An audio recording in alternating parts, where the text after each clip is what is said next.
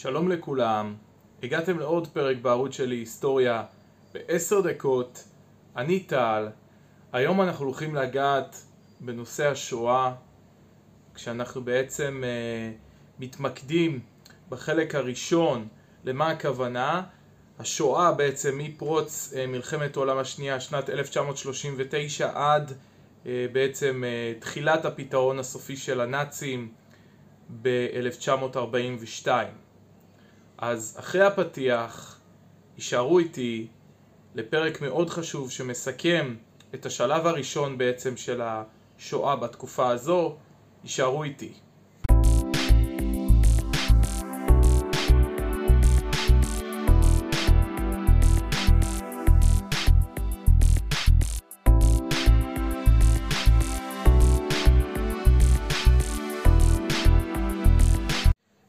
ראשית כל, כשאנחנו מדברים על נושא השואה, חשוב להבין, נושא השואה הוא לא רק הטרגדיה הכי נוראית וגדולה שהייתה לעם שלנו, אלא בכלל, בכל תולדות האנושות לא היה אירוע יותר נוראי מהשואה.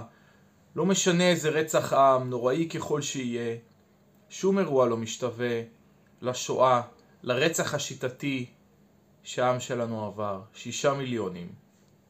כמו שאמרתי בפרק הקודם, כשסקרתי את עליית הנאצים לשלטון, אמרתי שהרעה במצב היהודים, הרעה ביחס אליהם, הייתה בהדרגה. זה לא שיום אחד התחילו לרצוח יהודים, אבל אם תסתכלו מעליית הנאצים לשלטון, יש הידרדרות מוסרית, מה שנקרא הידרדרות אה, אמנם אה, לא בבת אחת, אבל הידרדרות שהיא אה, עקבית במצב היהודים. וממלחמת העולם השנייה ההידרדרות הזאת אה, מוכפלת ומוכפלת ומוכפלת. אז נתחיל. מלחמת העולם השנייה, כפי שכבר הזכרתי בפרק על מלחמת העולם השנייה, פרצה ב-1 לספטמבר 1939 כאשר גרמניה פולשת לפולין. מה שקרה במסגרת הסכם ריבנטרופ מולוטוב, גרמניה קיבלה את הצד המזרחי של פולין. המערבי, סליחה, לא המזרחי. הצד המזרחי סופח בעצם לברית המועצות. הפלישה הגרמנית לפולין לוותה במעשי התעללות מזוויעים כלפי היהודים הנכבשים בפולין. יש את התמונות המזעזעות המפורסמות שאנחנו בעצם רואים בהם אה, קצינים גרמנים משפילים יהודים גוזזים להם את הזקנים, מבזים אותם, אה, משפילים אותם ברחוב. אז אנחנו בעצם מדברים על התקופה בה הנאצים בדיוק פולשים לפולין ופשוט מכלאים את אה, זעמם ואת הסדיזם הטהור שלהם כלפי היהודים שנמצאים ברחובות, היהודים היו אה, באותה תקופה קהילה מאוד מאוד גדולה בפולין. ב-21 לספטמבר 1939 ראש משטרת הביטחון הנאצית, ראש משטרת הביטחון של הצבא הגרמני, בעצם גוף שכלל גם את הקסטאפו, ריינהרד היידריך, בעצם אה, שולח את איגרת הבזק באיגרת הבזק הוא בעצם אה, מודיע, נותן פקודה לאייזנס גרופן, בעצם עוצבות המבצע, הוראות כיצד בעצם יש לנהוג ביהודים, ביהודים בארצות הנכבשות. אחד, יש לרכז את היהודים ולבודד אותם. שתיים, הרס תשתיות וכלכלה של היהודים, פגיעה בכלכלה, הרס תשתיות. שלילת כל הזכויות האזרחיות של היהודים וסימון היהודים, מה שאנחנו כמובן מכירים אה, לגבי הטלאי הצהוב, סימון היהודים בטלאי צהוב, סגירת מוסדות חינוך, עבודות כפייה, ש... אה, עבודות כפייה שמופנות כנגד היהודים והמשך רדיפה והתעללות. בואו נתמקד בגטאות. הגטאות זה בעצם הסממן המרכזי והדרך המרכזית באמצעותו הנאצים בעצם בודדו את היהודים מהאוכלוסייה הכללית ושלטו בהם. אז uh, כפי שכבר uh, אמרתי, uh, בעצם לאחר בעצם הכיבוש הגרמני היהודים הצטוו לגור בשטח רחובות מוגדר. המונח גטו לידע כללי זה מונח עוד עתיק, עוד הרבה מלפני תקופת השואה השתמשו במונח הזה. מונח גטו נקרא שכונה סגורה.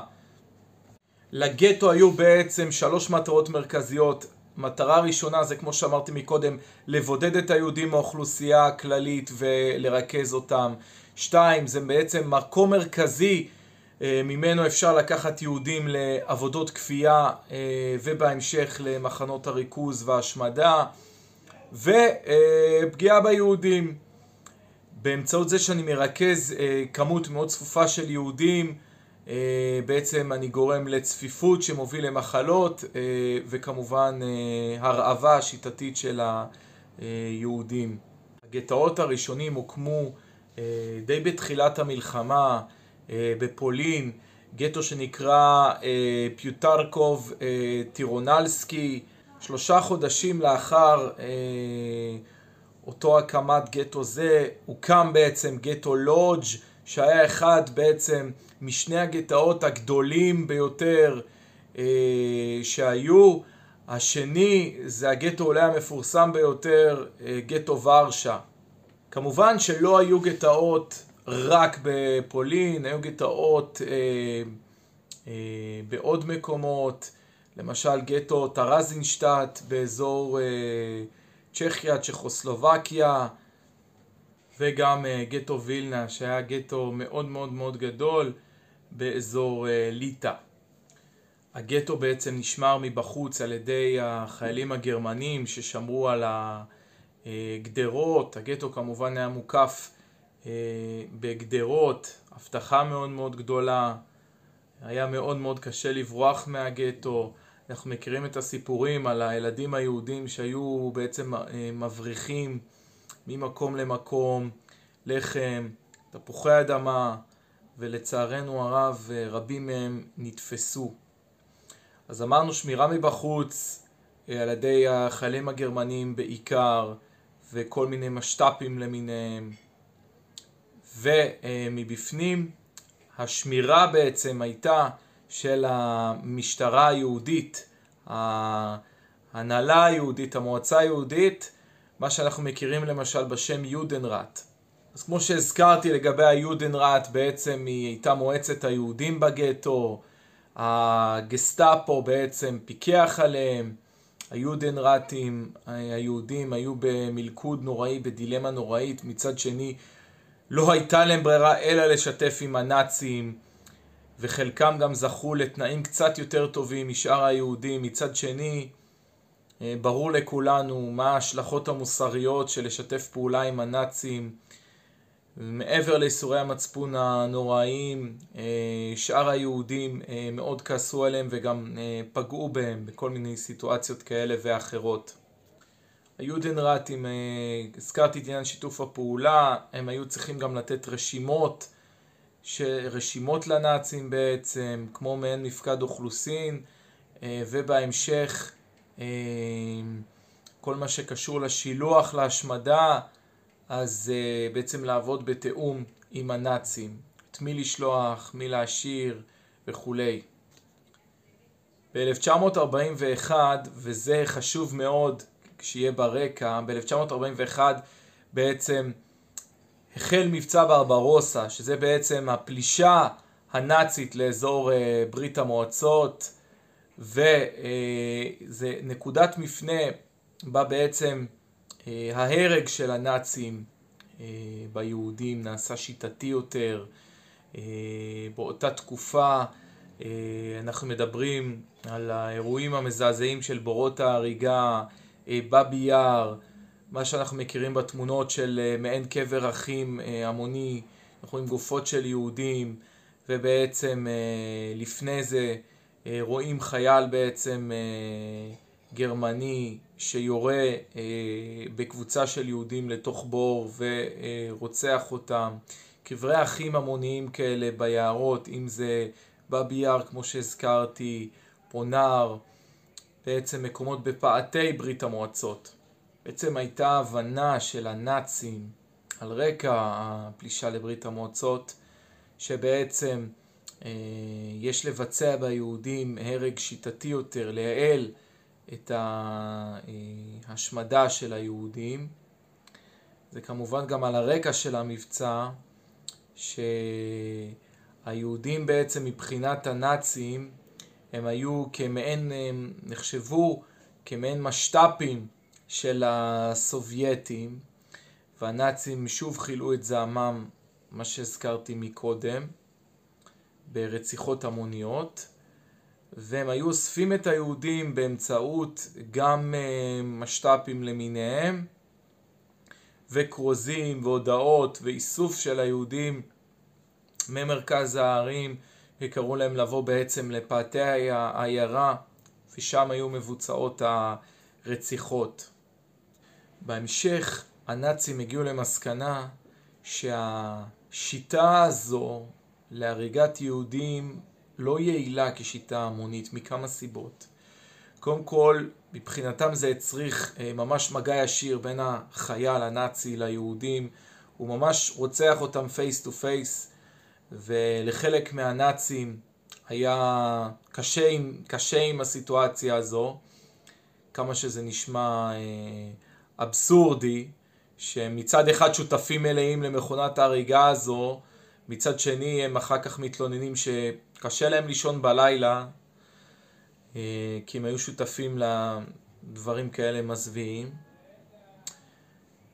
והנאצים החליטו בעצם שיש למצוא שיטה חדשה. אז מה שהם עשו, הם אה, רצו והחליטו להרוג יהודים באמצעות הכנסתם למעין משאית אטומה, שהאגזוז בעצם, צינור המפלט פונה לתוך המשאית, וככה בעצם חנקו אה, את היהודים שהיו מכניסים לתוך המשאית האטומה, הרגו אותם בעצם בגז של צינור המפלט. הנאצים עדיין, עדיין אה, מבחינתם לא מצאו פתרון לבעיה היהודית, הם חיפשו דרך אה, מבחינתם מסודרת לייעל את השיטה למפעל רצח המוני ואז בעצם אה, אנחנו מגיעים לוועידת ואנזה 1942 שם הגו בעצם את רעיון הפתרון הסופי בעצם שנועד להבטיח את השמדת כל היהודים מעל פני האנושות. אה, ובעצם בפרק הבא אנחנו ניגע מרגע הפתרון הסופי עד אה, סוף מלחמת העולם השנייה ואיתה בעצם אה, ההצלה של היהודים. אנחנו נרחיב על מחנות ההשמדה והמוות, אושוויץ, טרבלינקה, תאי הגזים, אנחנו ניגע בזה בפרק הבא, בכל נושא ההשמדה ההמונית, וגם, וזה מאוד חשוב לי אה, לציין את זה, נושא שלטעמי אנחנו לא נוגעים בו מספיק, זה, וזה כיצד היהודים מרדו, מרדו בשואה, לא סתם אומרים יום השואה והגבורה, ואגב אנקדוטה, אנחנו מציינים את יום השואה והגבורה בתאריך בו בעצם אירע מרד גטו ורשה. הרגע בו תנועות הנוער אה, מחליטות להילחם בחזרה נגד הנאצים. וכל זה אנחנו ניגע בפרק הבא, בחלק השני בערוץ שלי, אה, בחלק השני שעוסק בשואה. אז תודה רבה לכם שצפיתם בעוד אה, פרק בערוץ של היסטוריה בעשר דקות, ונשמח לראותכם בפרק הבא. ונתראה. תודה.